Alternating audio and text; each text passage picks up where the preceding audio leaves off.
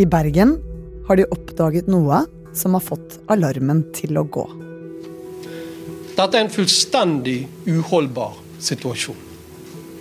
Det skal aldri være sånn at bekymringsmeldinger ikke kommer frem pga. teknisk svikt. Bergen kalte inn i all hast, egentlig, eh, til en pressekonferanse mandag morgen. For de skrev at eh, barnevernet var rammet av en teknisk feil. Og det som var alvorlig, var at den samme feilen kunne ramme flere hundre andre kommuner. Du hører på Kort forklart fra Aftenposten. Jeg heter Synne Søhol, og i dag er det mandag 5. juni.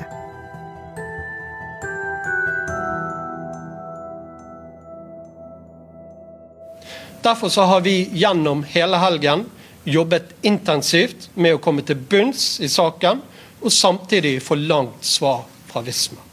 Øystein Tronsli Drabløs, du er journalist i Aftenposten og har fulgt denne saken i dag. Hva slags feil er det egentlig snakk om? Nei, altså, hvis du er bekymret for et barn, da, så er det sånn at du kan sende inn en digital bekymringsmelding. Det gjør du da ganske naturlig nok fra en nettside. Og da går den meldingen til et datasystem som heter Nasjonal portal for bekymringsmeldinger. Og det systemet skal sende den bekymringsmeldingen videre til riktig kommune. Og mange kommuner bruker et datasystem i barnevernet som heter Familia.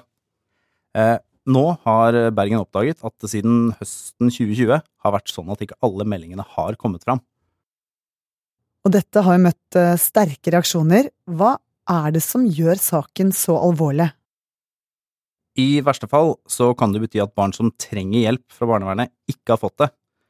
Og Barneombudet sier de har vært bekymret for at det har vært en stor nedgang i saker hvor barnevernet har tatt over omsorgen for et barn, eh, og at de også har fått færre bekymringsmeldinger. Og Det er ikke sikkert dette har sammenheng, så nå må de jo da finne ut om det har vært færre barn som trenger hjelp, eller om det har vært på grunn av denne feilen i systemet. Hva er det som har skjedd med de meldingene? I noen tilfeller så er de rett og slett bare blitt slettet. Eh, og det betyr jo da at hvis noen har vært bekymret for et barn og meldt fra, så er meldingen bare blitt borte. Hvor mange er det som blir rammet av denne feilen? Hva vet vi om omfanget? Altså, Problemet er at kommunene selv må finne ut av om de er rammet eller ikke.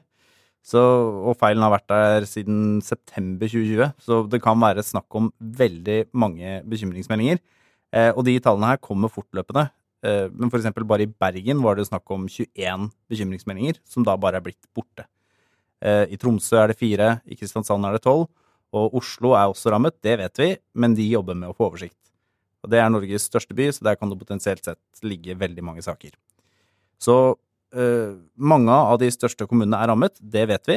Så dette tallet her det kommer bare til å øke i dagene som kommer.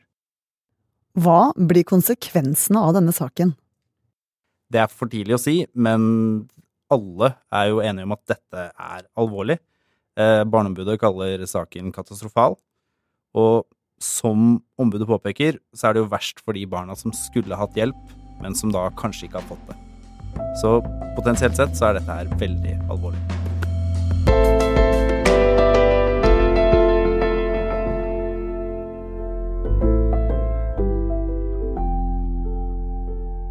Du har hørt en podkast fra Aftenposten.